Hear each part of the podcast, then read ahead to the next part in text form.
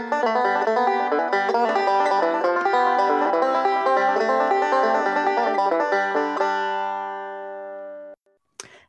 och varmt välkommen till Ullpodden nummer 18. Hej Malin!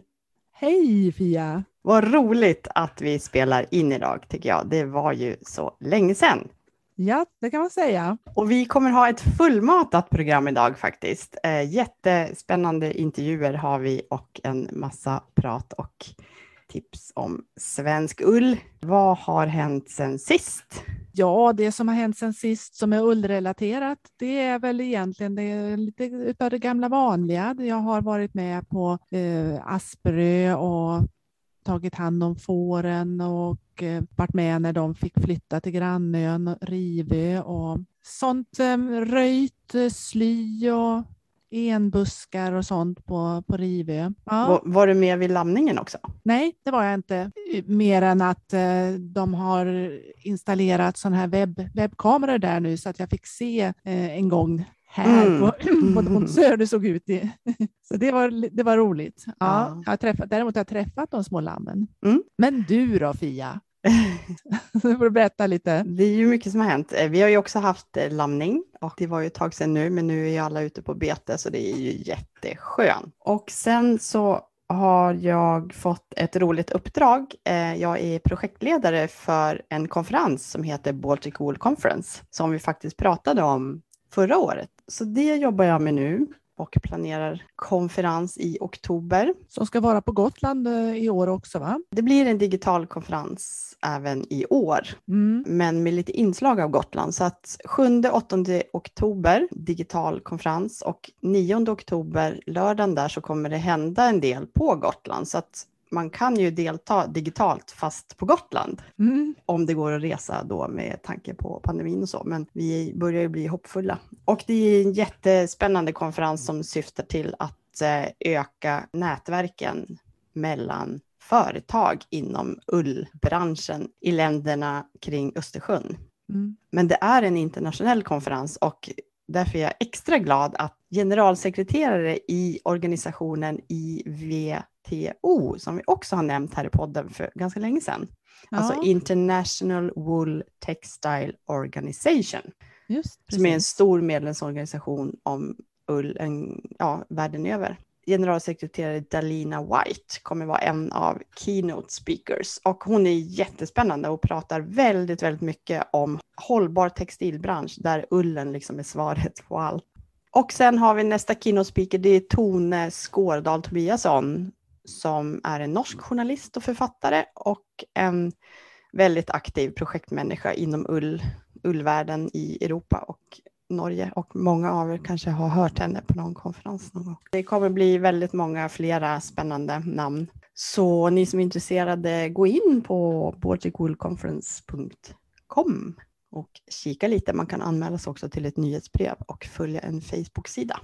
Ja, och vi har ju mm. båda varit på konferenser också sen sist. Vad har du deltagit i för konferens? Ja, jag var med på ett webbinarium som Nämnden för hemslöjdsfrågor anordnade 25 mars som hette Av den bästa ullen. Då var det aktörer inom ullnäringen med fokus eh, inte på de storskaliga eh, frågorna utan snarare på den lite mer speciella svenska ullen som eh, allmogefåren och, och hur man skulle ta hand om det. Och då var det bland annat, det var många aktörer som, som pratade om vad de skulle vilja önska sig framåt. Mm. Man önskade sig till exempel eh, kamgarnsspinneri, det har vi ju hört om. Mm, mm. Eh, och vi har pratat om det i, mm. nästan från start här i mm. Ullpodden. Men också så önskade man sig kardgarnsspinneri, det har vi ju i, i, Sverige, men nu är det en så stor efterfrågan så att man behöver mm-hmm. flera kardgarnsspinnerier. Och, och det är ju också det här att eh, det är olika garnkvaliteter och olika ullkvaliteter kräver olika typer av bearbetning. Mm. Så, att, så mm. liksom kamgarnspinneri är, men det är liksom inte svaret på alla garnkvaliteter som önskas, utan man, man behöver också fler, mer garn, mm. eh, kardgarnsspinnerier. Mm, intressant. Det som jag tyckte ändå var liksom nytt eller så, det var ju att, att jag tyckte att frågan hade flyttats framåt. Eller när vi började med Ullpodden så, så var det ju liksom egentligen ingen efterfrågan på svensk ull och eh, mm. få aktörer. Mm. Men nu är det ju stor efterfrågan på svensk ull. Ja. Så det var ju flera också aktörer som sa att eh, alltså vi, vi, vi behöver mer ull, vi behöver, mm. vi behöver mer för att vi, vi, kan, vi kan producera mer, vi kan sälja mer. Mm. Mm. Ja, det är ju det väldigt ju... nytt och intressant. Eller nytt, men att det ändå har förändrats så mycket över tid, på ganska ja. kort, kort tid. Mm. Och vad, vad, vad var du på för någonting? Ja, jag var på en konferens nu i juni som hette Nuläge Ull, som också arrangerades bland annat av Nämnden för hemslöjdsfrågor, även Svenska Fåravelsförbundet och eh, Svenska Fårklipparförbundet och föreningen Ullvilja var arrangörer. Och det var en konferens som ville samla och berätta om alla de här projekten som har pågått de sista åren. Det var en uppföljning på eh, en konferens som var för två år sedan. Vad som har hänt i de här olika projekten från norr till söder. Och ja, man slogs av vad mycket som har hänt under de här två åren. Och ja, men olika eh, lärdomar och tankar från de här projekten och vad, vad behövs nu för att komma vidare. Eh, det var också mycket rapporter just från, från Gotland, eh, där det också där det händer ganska mycket. Då menade Ann-Kristin Hult då att det viktigaste nu det är att samla de här gemensamma krafterna för att åstadkomma det som de här enskilda projekten inte kan göra själva. Eller enskilda mm. aktörer liksom, idag inte kan göra själva. Samverkan är nyckeln verkligen. Och under konferensen så fick vi lyssna på Eldrimner som är en organisation för svenskt mathantverk. De är alltså ett centrum för eh, svenskt mathantverk. De har funnits ganska länge och de har tagit en roll som nationellt centrum och också lyckats med att få ett nationellt uppdrag. En viktig del i den här konferensen, det, det var att påbörja en resa från projekt till plattform för att på sikt få till en organisation, alltså en platt som kan driva de här frågorna som enskilda aktörer inte kan göra. Men det kommer göras en förstudie nu under hösten som ska titta på det här, så att vi får väl veta mer hur, hur man tänker sig en plattform. För mig är en plattform en samordnande organisation som kan driva branschfrågor, både gentemot politik och myndigheter, men också mot näringen och jobba med kompetensutveckling och eh, underlätta för ullföretagandet i Sverige. Mm. Mm. På min, eh, min konferens, där pratar man ju också om till exempel det här då att eh, när det börjar bli en efterfrågan, när det börjar bli ett behov av eh, volym, mm. så, så behövs det också mått för att kunna kommunicera med industrin. Eh, och att den personen då som pratar om det här tyckte att det också det behövs liksom andra mått än de här värdeladdade orden som glansigt. Mm. Ja men precis, ja, men det är ju också en jätteviktig fråga som vi pratade om, alltså hur vi definierar de olika ullkvaliteterna mm. för att eh, på sikt få, få en, någon slags form av gemensam klassificeringssystem och också en märkning av svensk ull och spårbarheten. Nu ska vi ju snart få höra din intervju här med Järbo Garn. Just det. Och där, det är ju ett exempel på det här med när det, när det behövs stora volymer. Ja, precis. Vi ska få höra mer om processen att ta fram ett svenskt ullgarn av svensk ull i lite större volymer. Och eh, jag har träffat Madeleine Linderstam som är content manager på Järbogan och det betyder alltså innehållsansvarig, att hon jobbar med allt innehåll när det gäller kommunikation, eh, bild och text på hemsidor och sociala medier. Och hon har också varit väldigt aktiv i den här processen att eh, hur gör man om man vill göra ett svenskt garn i lite större volymer? Så vi lyssnar på henne här.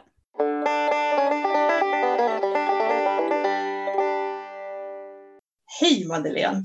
Hej! Vad roligt att ha med dig i Ullpodden. Jättekul att vara med. Du är ju också poddare. Det stämmer. Vi är kollegor kan man säga. Vad heter din podd? Den heter Stickkontakt. Den har jag med två kompisar.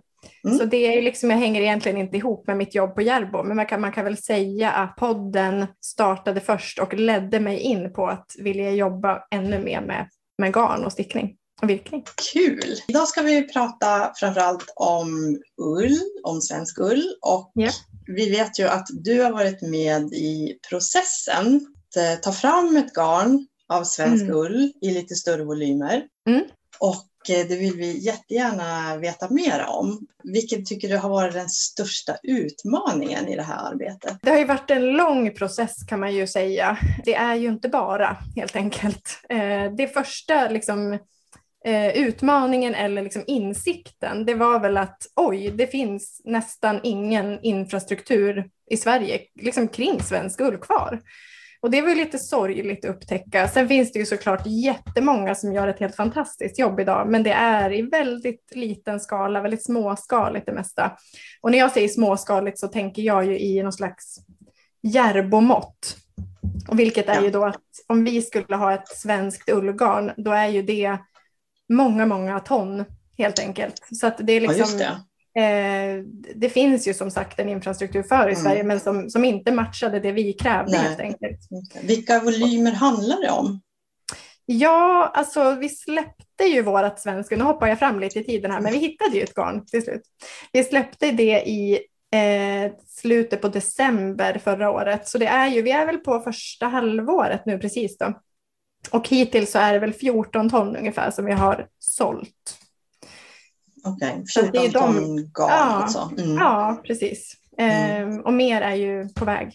Så mm. det är väldigt mycket som är i, i processen nu och vi har ju planer på mer också. Nu har vi ju mm. en kvalitet, men mm. mer kommer. Men det var den första, första insikten och utmaningen att ja, oj, det här blir inte helt lätt. För sen Nej. har ju liksom vi som, som stort kommersiellt företag har ju massa tråkiga krav också på oss. Ja.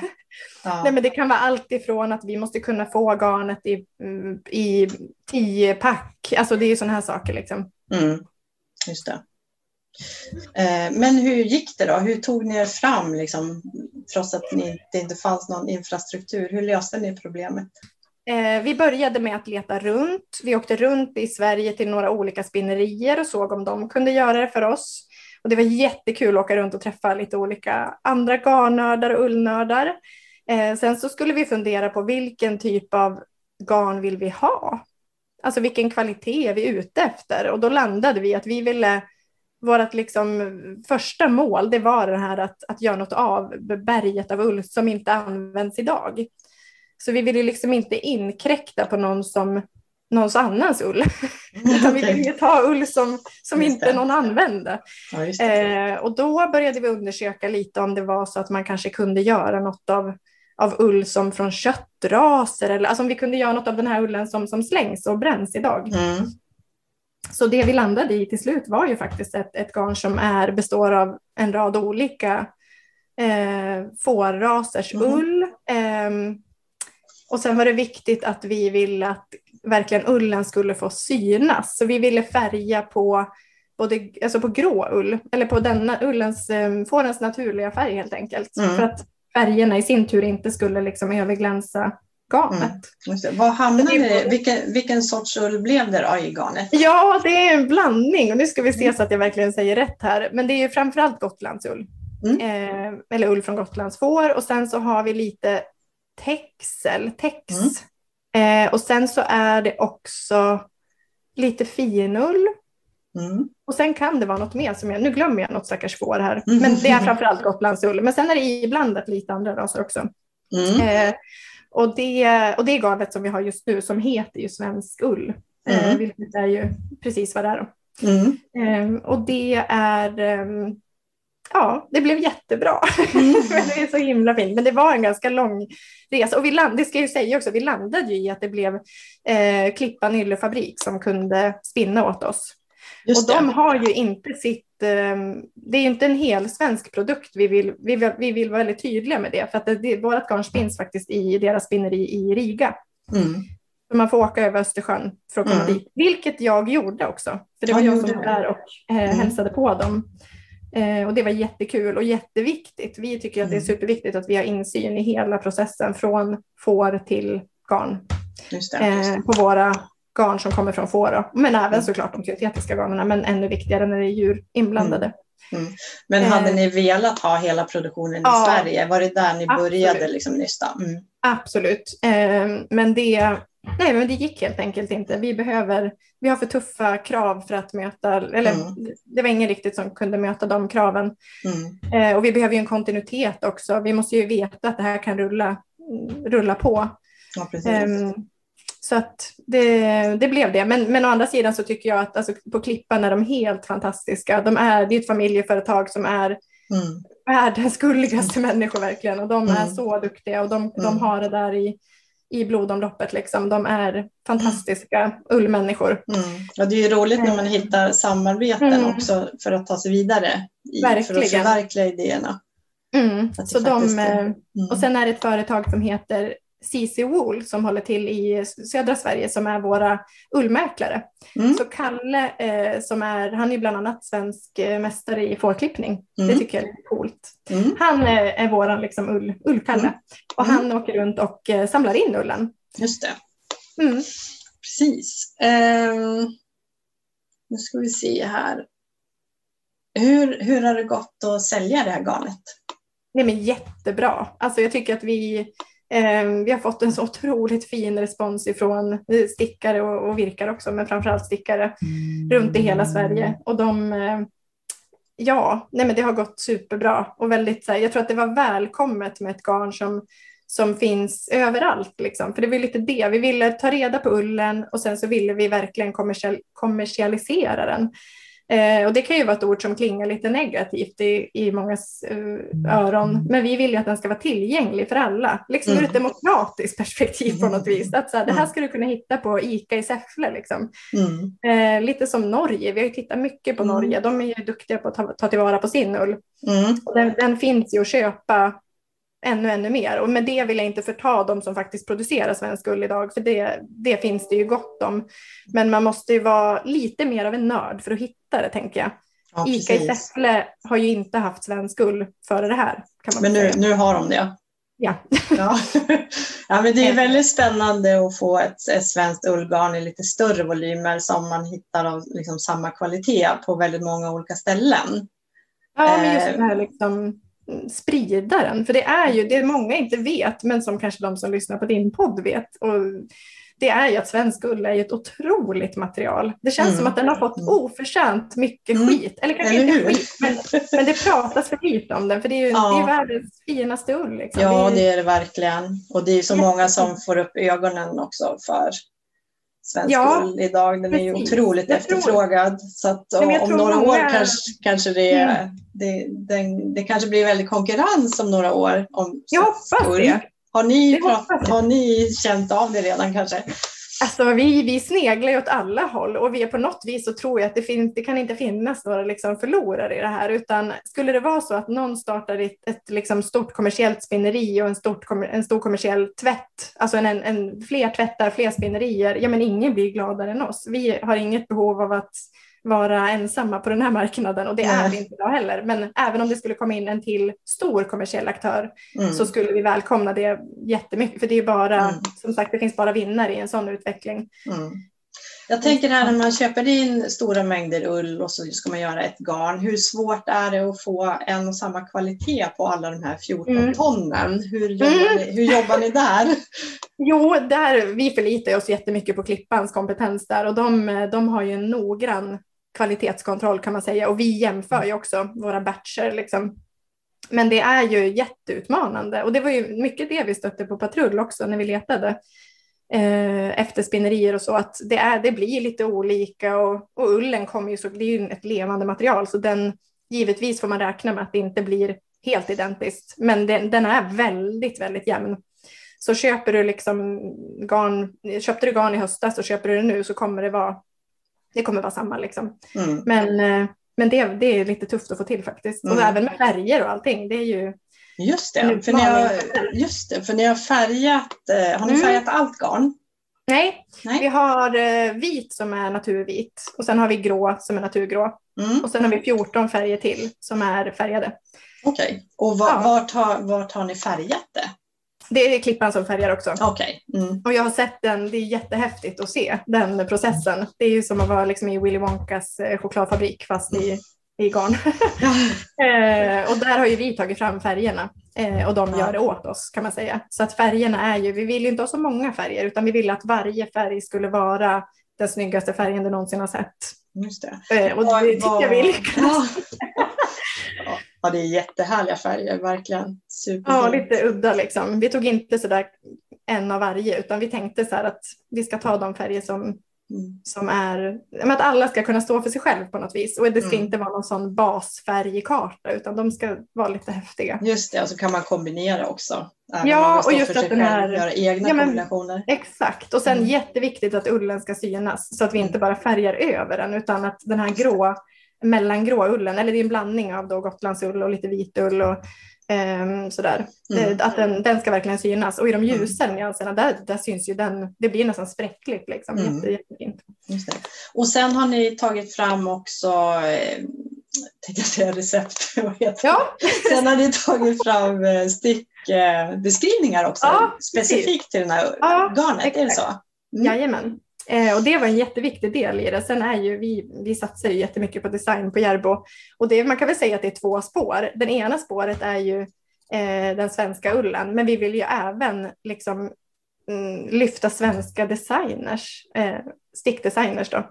Så att ehm, eh, vi har ju valt ut några designers och sen så fick de eh, se på garnet och liksom inspireras av garnet och inspireras av, av den svenska ullen.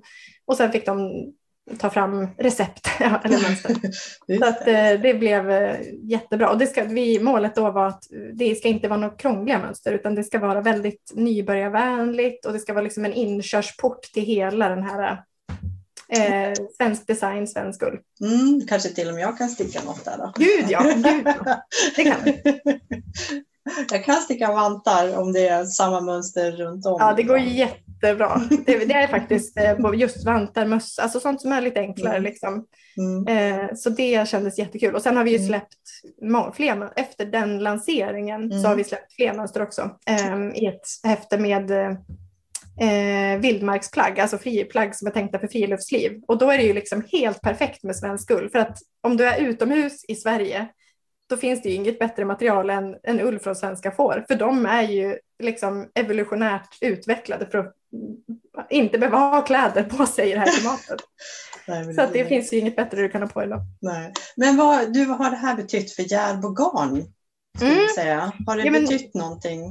Men alltså jag tror att det var viktigt på något vis att hitta tillbaka till våra egna rötter. Därför att Järbo har ju liksom, nu har ju inte vi något eget spinneri kvar.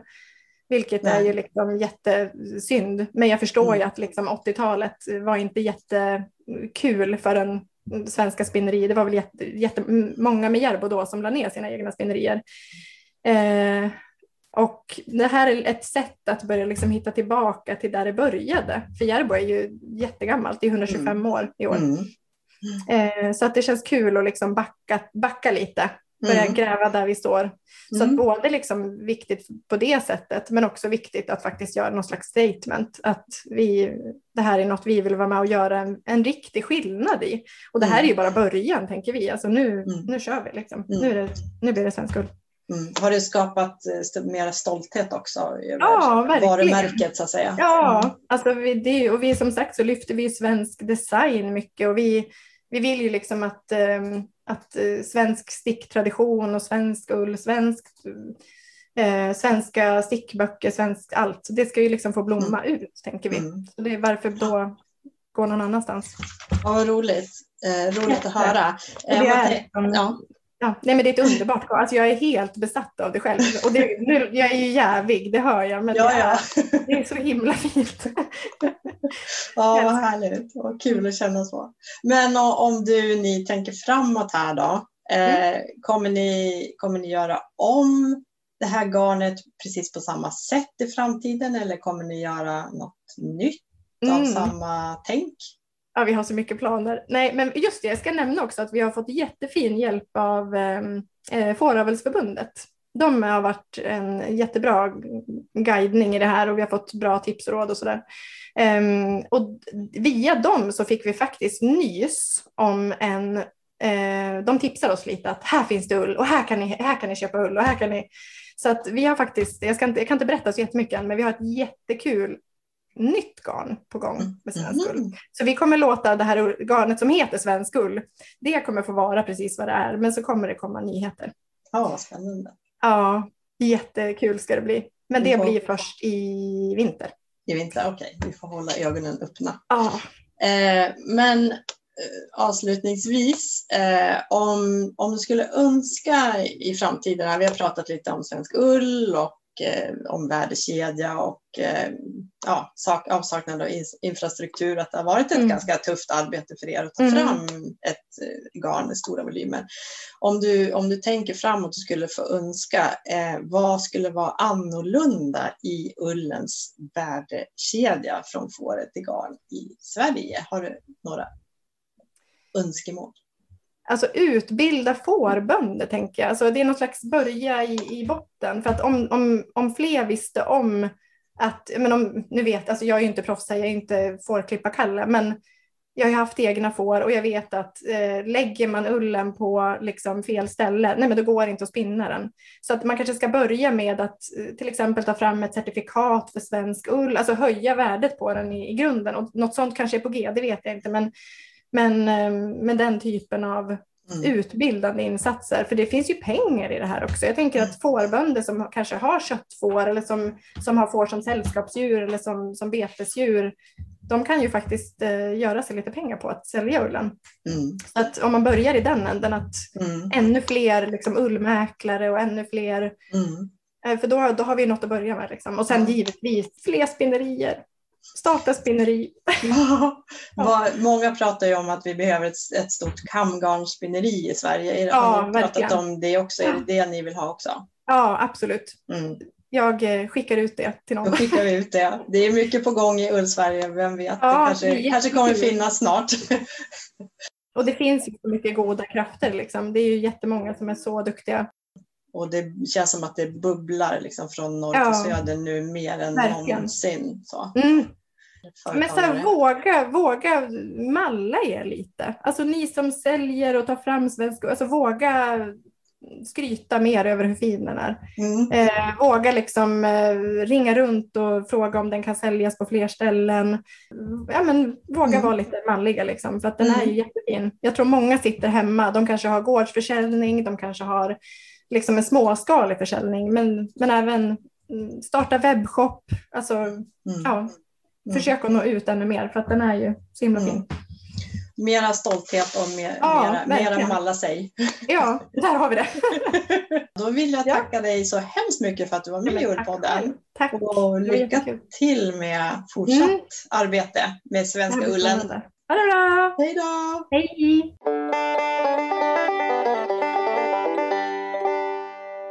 Ja, det var ju intressant att höra Madeleines resa här. Det har ju inte, inte varit så lätt, men de har ju verkligen lyckats eh, ändå leverera i, ja. i, och lyckas väldigt bra. Alltså. Det låter ju fantastiskt med det här med 14 ton. Det bara liksom eh, ja, precis. lite. är så här, fyra, fyra kilo gårdsgarn. Ja, precis. Lite andra batcher. Ja. Och sen är det ju väldigt intressant att höra just som det här som vi har pratat mycket om. Eh, hur får man till liksom en, en jämn kvalitet i samma sändning när det blir så stora volymer? Eller också kanske till och med sen så småningom år från år om man ska ha ett och samma garn. Det pratar vi inte så mycket om. Men när vi inte har något klassificeringssystem. Hon säger, pratar ju om att basen i garnet är Gotlandsull och sen med inslag då av texel och andra köttrörskorsningar. Och att hon... Lite finull, ja. Ja, just det, kanske ja, det kanske var. Mm. Hur får man en jämn kvalitet av så stora mängder? Det är också intressant. Verkligen att någon har, har gjort det liksom på något sätt nu. Det är roligt. All, mm. all heder åt Järbogarn. Mm. Ja, jag har ju prövat på det också. Eh, vad tycker du då? Jag är en sån där stickare som har eh, lite, kanske fyra projekt samtidigt. Så, ja. så till slut så går ett i taget i mål så att säga. Det, till slut händer det, ja. ja. men hur känner du med garnet då? Ja, men det är jättefint faktiskt. Mm. Överraskande mm. mjukt. Jaha. Det trodde inte jag att det skulle vara, men det är mm. överraskande mjukt tycker jag. Mm. Och väldigt behagligt att sticka med. Och det är också lite roligt för att rätt vad det är så är det en liten, eh, liten kvist eller vad? Mm. Eller, lite fiber, lite växtfiber. Liksom. Inte så att det stör på någonting sätt, utan, utan bara som jag tycker då en liten liksom, mm. närhetskänsla. Liksom, till, Ett till... Be bevis på att det faktiskt är lokalproducerat och pro mm. processat på ett hållbart sätt också. Ja, precis. Mm. Jag har inte så mycket erfarenhet av järb och garn förut, eh, men eh, vad jag förstår nu då, eftersom jag köpte till den här eh, lanseringen då av eh, svensk ullgarn mm. så, så gjorde de ju också ett mönsterhäfte då. Mm. Med, mm. Och då, då köpte jag det mönsterhäftet i samband med att jag köpte garn då. Mm. Och det är ju bara det är ju också väldigt fint. Ja, alltså det, verkligen fint. Ja, ja. ja. Så det är roligt. Ja, det... Jag är ju en sån här som gillar svart, så jag har ju köpt Aha. det här eh, grafitgrå eller svarta eh, garnet, men jag ångrar lite att jag inte tog en annan färg nu. Mm. mm. men eh, det får bli nästa projekt. Mm. Ja, men det är så fint med de här mönstren och det känns som ett verkligt lyft också. I, mm. Alltså ta fram de här mm. nordiska svenska mönstren. Det, det tycker jag det är så vackert. Men det blir intressant att följa framtiden och jag anade ju, hon kunde inte säga allt, men det är mycket på gång. Ja, precis. Man blir väldigt nyfiken där på nästa mm. garnkvalitet. Och det känns som det händer mycket där. Mm. Det är mm. mycket energi. Ja, verkligen roligt. ja, jättekul. Och så kan vi på, passa på att tipsa också, för vi är ju poddkollegor. Just det, precis. Stickkontakt heter ju Stickkontakt, ja, precis. Och det är kanske många som lyssnar redan eh, på den podden, men ni som inte gör det och gillar stickning så är det ju ett tips.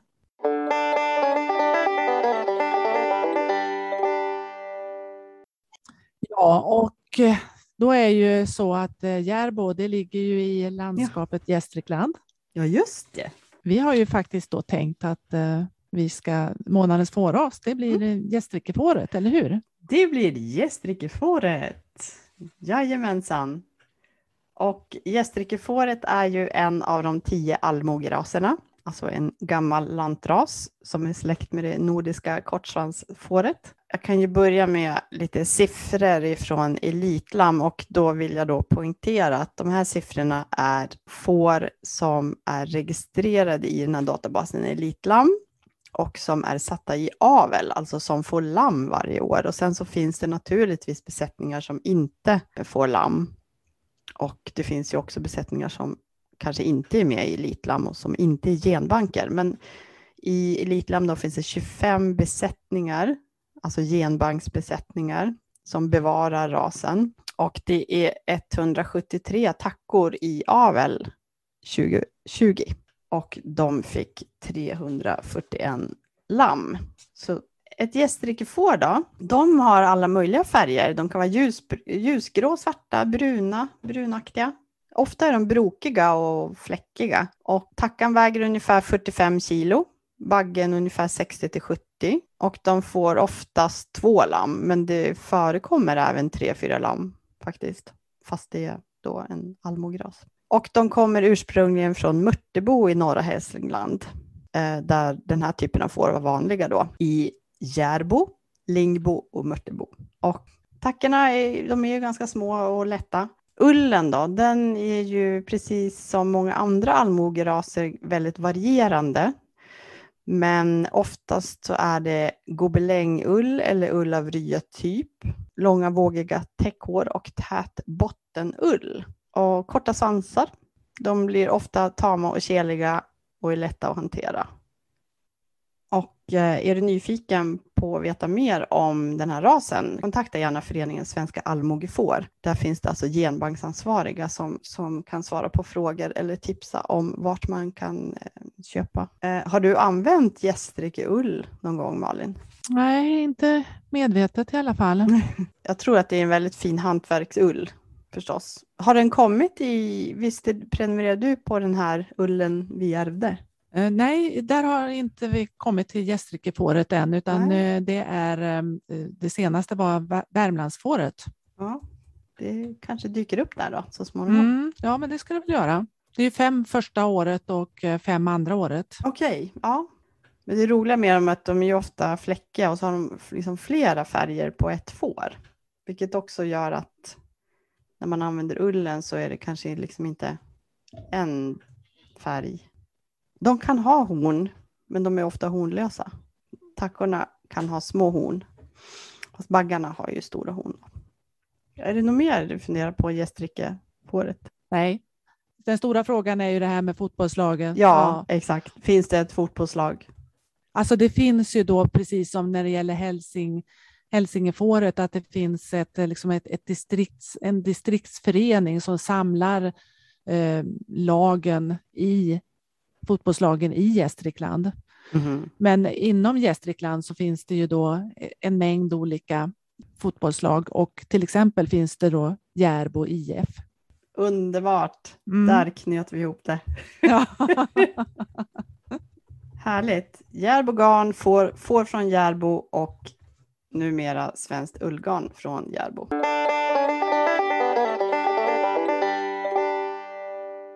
Vi har ju tidigare i podden någon gång funderat på det här med sådana här gamla filtar och hur miljöfarliga de är egentligen. Precis. Du hade ju någon gammal fin filt där som du funderade på. Ja. Och, eh, nu har du fått eh, lite mer kunskap om det. Du har träffat en person. Eh, ja, jag har träffat eh, Eva-Lena Blomqvist som bor på Asperö och eh, som är kemist, så vi kallar henne för Asperö-kemisten. Ja.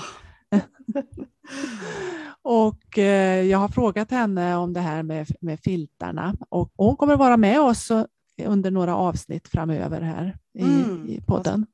Gud vad bra.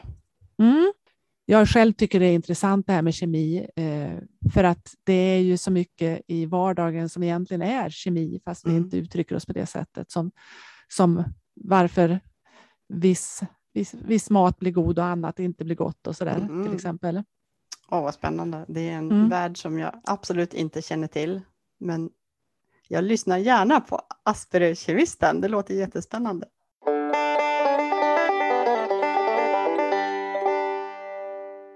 Hej Eva-Lena! Hej Malin! Eh, vad roligt att du kunde vara med oss här i, i uh, Ullpodden. Mm, ja, men det är en häftig podd. Det är ett viktigt material att använda. ja, och, och, varför jag har vänt mig till dig då, det är inte bara för att du bor på Asperö. Det är inte mm. bara för att jag träffat dig genom fårföreningen på Asperö, utan det är ju också för att du är kemist. Jajamensan. Från en familj där både mamma och pappa är kemister och jag blev kemist och min bror är delvis kemist. Jag tycker kemi är magin i livet. Men sen tog jag och eh, läste vidare själv på universitetet och disputerade på miljökemi, hur miljögifter bildas vid avfallsförbränning och avfallshantering. Och utvecklades mig sedan vidare mot bredare mot hållbarhet kring material och hur man ska göra för att material ska fungera bra i samhället och så. Så jag har jobbat de senaste 18 åren på ett forskningsinstitut i Sverige som heter RISE. Ja, precis. Och det är ju inte då för att du är precis är expert på ullkemi, om nu det skulle finnas något sådant ämne, utan just i, i sådär största, största kemiallmänhet eh, som, som jag har pratat med dig om olika frågor och sånt. Som, alltså hur ska, man, hur ska man tänka? Hur allvarligt är det här?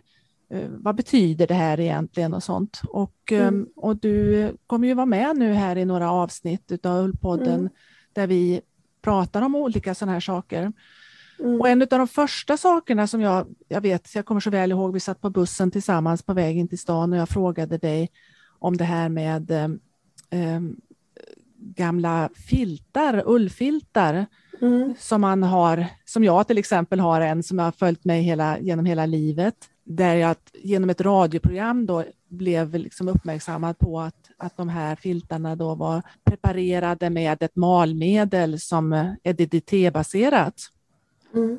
Eh, och, sen, och då var det väldigt eh, liksom alarmerande i det här programmet då att man skulle, man skulle absolut inte använda den här filten och eh, man skulle liksom lämna in den på, man fick inte liksom slänga den i vanliga sopor utan man skulle lämna in den på speciell destruktion. Och jag blev lite, lite småskärrad där eftersom den där hade jag ju som sagt haft hela mitt liv och mm. dessutom liksom argumenterat för att jag skulle få ärva den där filten. Mm. Och då frågar jag ju dig, hur farligt är det? Du lever ju fortfarande, eller hur? Ja. Ungefär. Nej, men jag tror perspektiv är jätteviktigt i sådana här frågor människan, vi, vi, vi är väldigt rädd för att, att, saker, att, saker, att vi ska dö, att vi ska bli sjuka. Det är ett väldigt fokus på det där. Och sen finns ju vi i en helhet i en miljö. Eh, och vi vill ju helst inte att de ska bli sjuka och dö heller, men vi är inte lika snabba på att tänka på dem, utan vi är väldigt fokus på, på, på vår egen hälsa och sådana saker. Och det är väl bra, men vi är inte speciellt logiska, tycker jag. Eh, så det finns många saker vi gör fastän det är farligt. En del läkemedel är inte heller bra att äta men vi äter dem för att vi överväger risken. Men så det är klart att jag inte skulle sätta mig och medvetet inta DDT eller något annat på så för att jag tycker att ur ett tidsperspektiv så kanske det inte är DDT jag dör av utan det kommer att vara så mycket annat som jag dör av. Men om jag hade en fin pläd hemma som jag har sett till att få ärva för att den betyder mycket för mig så tror jag att man ska sätta det i perspektivet. Men jag skulle inte lägga min nyfödda barnbarn eller mitt eget nyfödda barn på filten dreglandes, hålla på och liksom ta på den här filten på det sättet som ett barn gör. För det som är, med de här malmedel och DDT och DDT-liknande, ibland har man använt DDT men ibland är det mer DDT-liknande. Det, det som är sammanhängande för de här, det är ganska stora feta molekyler. De är jättenöjda att ligga på pläden. De flyger inte omkring i luften per automatik mm -hmm. i, i ditt hem. Utan ska du få sådana där stora, tjocka, tunga molekyler, jag ser dem ofta som liksom individer, de här liksom, då måste de få hjälp att gå därifrån. Det måste finnas något annat som är trevligare, annars stannar de i ullen mm. som är lite fet och god. De vill ha det fett och gott. Liksom. Det är naftalen och allt möjligt annat de har jobbat med också som malmedel. Och ett sätt för dem här att komma till dig det är om du kommer med din fina feta hud. Då kan de komma in där. Mm. Liksom. Mm. Eh, och, och då stannar de i din kropp för då trivs de där. Men, men du måste ju gnugga på rätt bra in i kroppen för att liksom få dödliga doser av DDT mm. i din kropp mm. under, och under ganska lång tid också. Så att återigen det här perspektiv. Om du sitter inlindad i den där filten en kall kväll i din soffa med din tekopp och läser en bok. Mm. Då tror jag inte det är en, en orsak till att du kommer förkorta ditt liv. Nej. Det tror jag inte. Nej. Utan det, det kommer vara så många andra saker i liksom Huden är ju det största organet vi har, människan. Och jag brukar ibland säga när folk köper billiga kläder, ja, den där vet jag inte om jag ska ta på mig. När jag känner vad de luktar, bara liksom doften av det hela. Ehm, så det finns så många, och nu ska man inte säga att ett fel blir mindre fel för att andra är ännu felare. Men, men vi utsätter vår hud för väldigt mycket kemikalier hela tiden.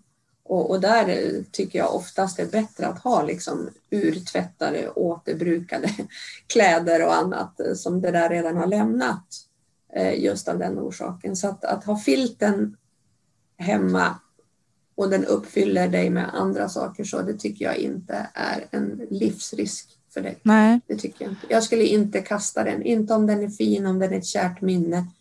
Men jag skulle inte nödvändigtvis liksom hålla kvar den bara för att om den är ful och trasig och lägga den som stoppning i någonting eller liksom, det skulle jag inte göra utan då skulle jag se till att den, att den förstörs och då de här stora feta molekylerna, killarna som sitter på som malmedel, mm. de brinner jättebra. Det är ju som bränsle. Mm. Det är massa kol och väte. Det går jättebra i en vanlig avfallspanna. Det här är ett, ett organiskt ämne. Det här brinner upp. Mm. Och det mm. sprids inte om det ligger i soptunnan. Det ligger där med den där filtern. Ja, ja, och då det. åker det till. Så att, att, att, lämna in det för någon sån farlig, liksom, det, det, tycker jag att man använder ett vasst verktyg på någonting som inte behövs. Liksom. Man går lite all over. Mm. Men jag får säkert Kemikalieinspektionen på mig jag säger det. Men jag tycker man ska använda fara när det är fara, för annars, blir, annars har vi inte förmågan att, att se när det är fara. Nej. Och, och ur ett kemiskt perspektiv så tror jag det har varit mycket värre med alla flaskor som vi dricker vatten i och allt annat, eller alla feta livsmedel vi har haft i, i, i, plastförpackningar där det verkligen kan flytta sig från maten eller från plasten in i maten Mm. för att det gillar det här feta och goda. Eh, Det tror jag är så otroligt mycket värre och får inte tala på om du röker eller annat sånt. Så, så tror jag inte din fina släktfilt. Nej, för det, för det var ju också en, en, en annan fråga då. För jag, eh, jag köpte också en, eh, en jättefin eh, filt designad av Viola Gråsten på, på Myrorna. Mm. Eh, och sen så luktar ju den, Mm. inte, inte, inte normalmedel, utan den luktade ju, du vet, gammal. Gammalt. Gammalt, Ja, ja. det luktar livet. Ja. och, som inte kändes så kul. Liksom så. så då tvättade jag den. Och, då blev jag, Ja. och sen så såg jag att det var då eh, preparerad med metin, maläkta. Ja. Det här som du säger nu då, om att de- vill gärna stanna kvar, de här molekylerna i det feta filten. Mm. Gjorde de det Mm, då? Eller tror du? Men mycket gjorde nog det. Jag vet inte vad du hade för tvättmedel och annat sånt heller. För att, det är det, för att det ska ut med vattnet så måste det vara vattenlöslig kemikalie. Mm. Och det är det de här DDT-molekylerna inte är. De gillar inte vatten. De är usch, det tycker de inte alls om. Nej. Så jag tror inte att det kom så jättemycket i vattnet. Men det det kom, det var liksom delar från den här filten som lossnade när du tvättar för att den är gammal och det lossnar fragment. Mm. Det åkte ut i tvättvattnet och där satt det säkert malmedel. Ja, just det. Mm. Men det, det, det löste nog inte upp så mycket. Nej. Men, men jag, har in, jag är ingen expert på just den molekylstrukturen, men jag vet att de brukar vara ganska stora. De här. Den är ju DDT-liknande och DDT är en, en molekyl som består av flera ringstrukturer, eh, av, av kolatomer i ringstrukturer och de är stabila.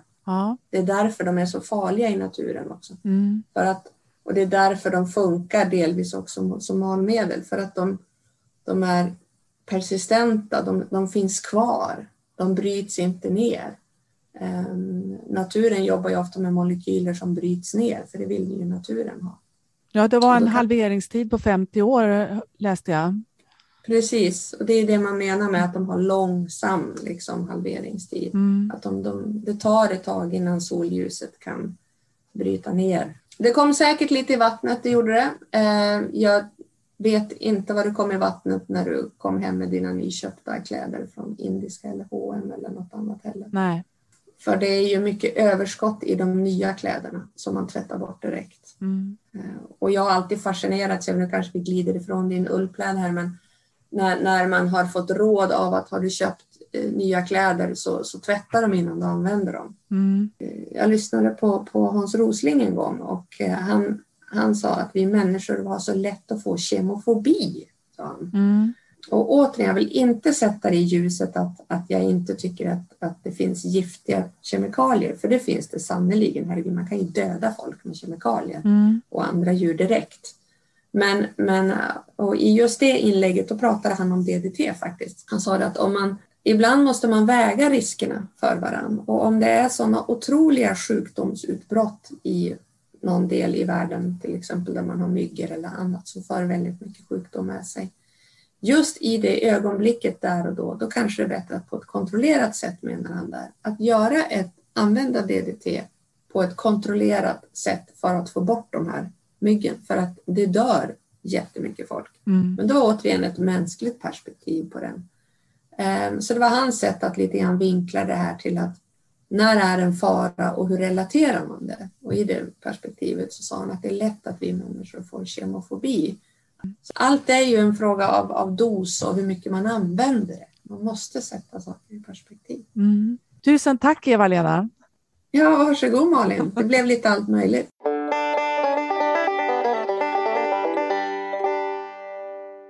Ja, men det var ju väldigt spännande att höra Asperö-kemisten och jätteintressant tycker det här att man ska se saker liksom ur ett större perspektiv Ja, precis. och ställa liksom risker mot varann lite grann och inte springa iväg och blir så rädd så fort man hör någonting. Det tyckte jag var en ny vinkel. Ja, precis. Och det har vi ju också varit inne på. Egentligen har vi varit inne på det, fast ja, till exempel det här med att eh, som ju också Madeleine från Järbo Garn pratade om det här, liksom att vad, vad, är det som är viktigast här nu då, när vi tar hand om svensk ull? Är det att alla produktionssteg görs i Sverige eller är det okej okay att vi fraktar ullen ibland, eh, mm. men ändå, ändå tar hand om det och så vidare under, mm. ja.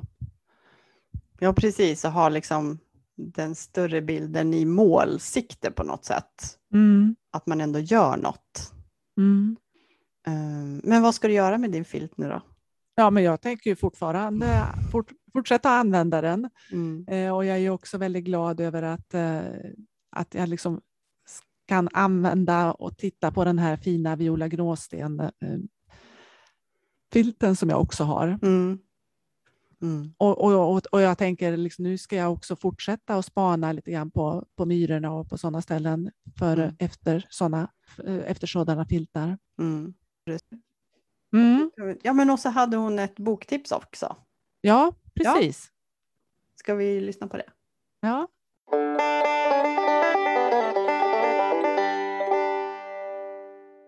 Vi brukar ju ha lite mm, lästips också mm. i, i podden. Ehm, mm. Och då undrar jag, har du något som du skulle vilja tipsa? Mm. Just nu så läser jag en bok som jag tycker jättemycket om. Eh, den heter Den uppfinningsrika planeten. Ehm, skriven av Fredrik Moberg, har precis kommit ut. Den är inte så tjock heller så man kan ha den i sin lilla väska när man ska till stranden eller sådär. Och den är så himla rolig för att han, han är en forskare som har jobbat med korallrev. Mm. Eh, och kom hem och var helt förkrossad över att han insåg att de höll på att dö och försökte larma till alla och prata. De dör, de dör, de dör, hjälp, hjälp, hjälp. Och han insåg att ingen lyssnar när man ropar på sånt. Så att nu har jag bara gått åt det positiva hållet och ser vad kan vi lära av naturen? Det finns så mycket coola lösningar där ute. Det vanligaste är ju det här med hur termiter har byggt sina hus och skalbaggar får vatten fast de är mitt i öknen och sådana grejer. Så det är en väldigt, det är som att vara på ett sommarprat med Fredrik Moberg tycker jag. Det är fullt mm. av roliga eh, kloka saker från naturen eh, och hans personliga reflektioner. Så den uppfinningsrika planeten. Naturens lösningar på vår tids utmaningar. Okej, okay. så det är inte en bok som man blir deprimerad av? Absolut man... inte. Man blir glad av den här. Ja. Man inser att det finns mycket lösningar där ute som man kan ta vara på. Och man blir också ödmjuk och fascinerad över att jädrar vad cool naturen är. Det är liksom, vi har ju bara funnits ett litet, en liten plipp i historien, vi människor, och vi tror att vi kan outsmarta allting. Den här naturen har hållit på miljontals år och blir så här smart och effektiv. Mm. Så det finns mycket coolt att ta vara på där. Och det hjälper en med det här med perspektiv som jag också pratat om tidigare. Mm. Att sätta saker i perspektiv och se att ingenting finns i en enskild fråga. Allting ingår i en helhet.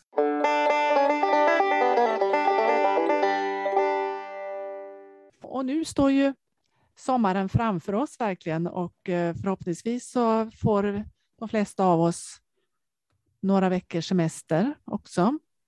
Ja. Och då finns det ju lite olika saker man kan ta sig för förstås. Vila, sticka, eh, väva, spinna. Läsa. Jag tänkte på det. Ja, läsa. jag tänkte på det där med 14 ton ull. Jag har ju börjat att spinna på slända och jag har ju hållit på nu i ett knappt år och jag har ju inte kommit upp till ett halvt hekto än, eller inte till, till, till ett halvt kilo än som jag hade tänkt okay. att jag ska göra. Okej. Okay. Wow. jag har inte ens börjat spinna än. Jag tänker jag får göra det när jag blir pensionär. Ja. Ja, det finns ju mycket att göra och det är ju faktiskt, börjar ju så smått bli möjligt att göra saker och kanske till och med träffa lite folk. Ja, visst är det kul? Ja, äntligen. Ja. Och vi har ju fått in ett tips också till Ullpodden, faktiskt från flera olika personer, så att det måste ju vara något eh, särskilt eh, väldigt fantastiskt bra med det här tipset. Och det är Länsmansgården i Åkersberga har utställningar, föreläsningar, workshops med mera som alla handlar just om ull. Och här finns också utställningen Ull för livet som kanske några av er har sett tidigare, den har funnits ett tag. Men även en utställning som heter Konst av ull. Och eh, det blir workshops i, i ja, olika hantverksmetoder, brodering, spinning, stickning, färga, tova. Även vävning kommer finnas. Men eh, gå in och kika på deras hemsida Österåkers konsthall så kan ni kolla på detaljerna. Ja, och jag som befinner mig på västra sidan av Sverige, jag vill gärna tipsa om eh, ett konto på Instagram som är från hemslöjdskonsulenterna VGR, alltså hemslöjdskonsulenterna i Västra Götaland. Eh, och de har skapat en hashtag nu som heter slöjdutflykten. Så om man skriver, eh, söker på hashtag slöjdutflykten så får man massa tips på ja, roliga utflyktsmål helt enkelt i Västsverige med, med slöjdanknytning. Mm. Vad kul. Mm. Eh, och sen har vi ju också ett, ett tips, men det är inte i sommar. Det är 4 till 11 september så kommer många aktörer i hela Sverige faktiskt att bidra till något som kallas för Ullveckan. Det är Hemslöjden som har tagit initiativ och eh, kommer samla en hel del evenemang som händer på deras hemsida hemslöjden.org.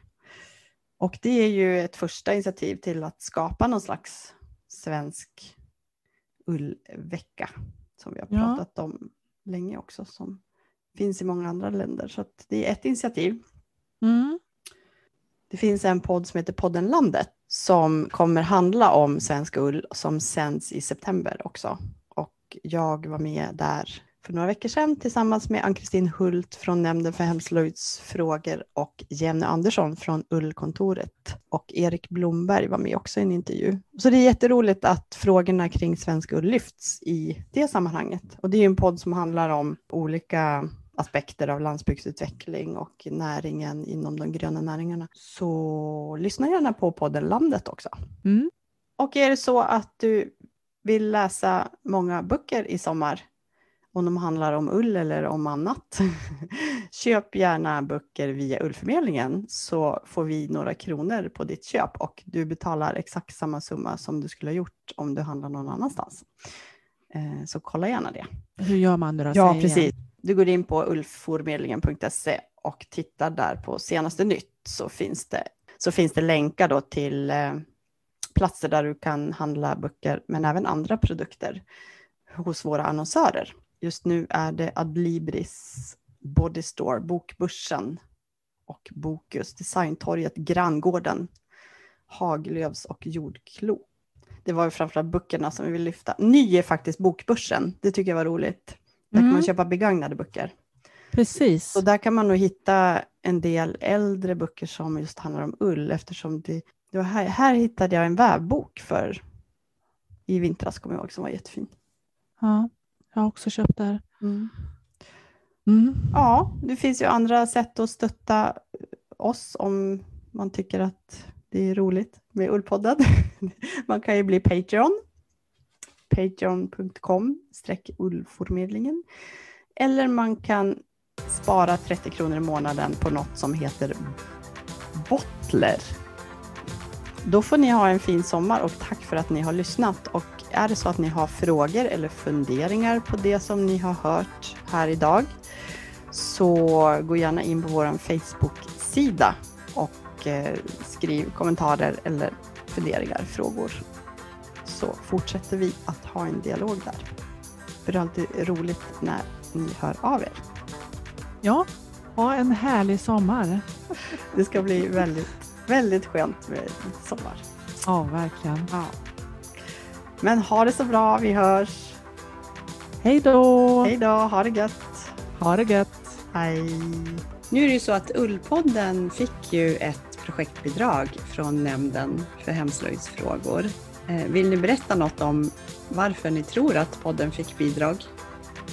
Det behövdes en ullpodd. Just det här att eh, få ut information, att eh, liksom föra samtalet och att nå många på ett eh, tämligen enkelt sätt.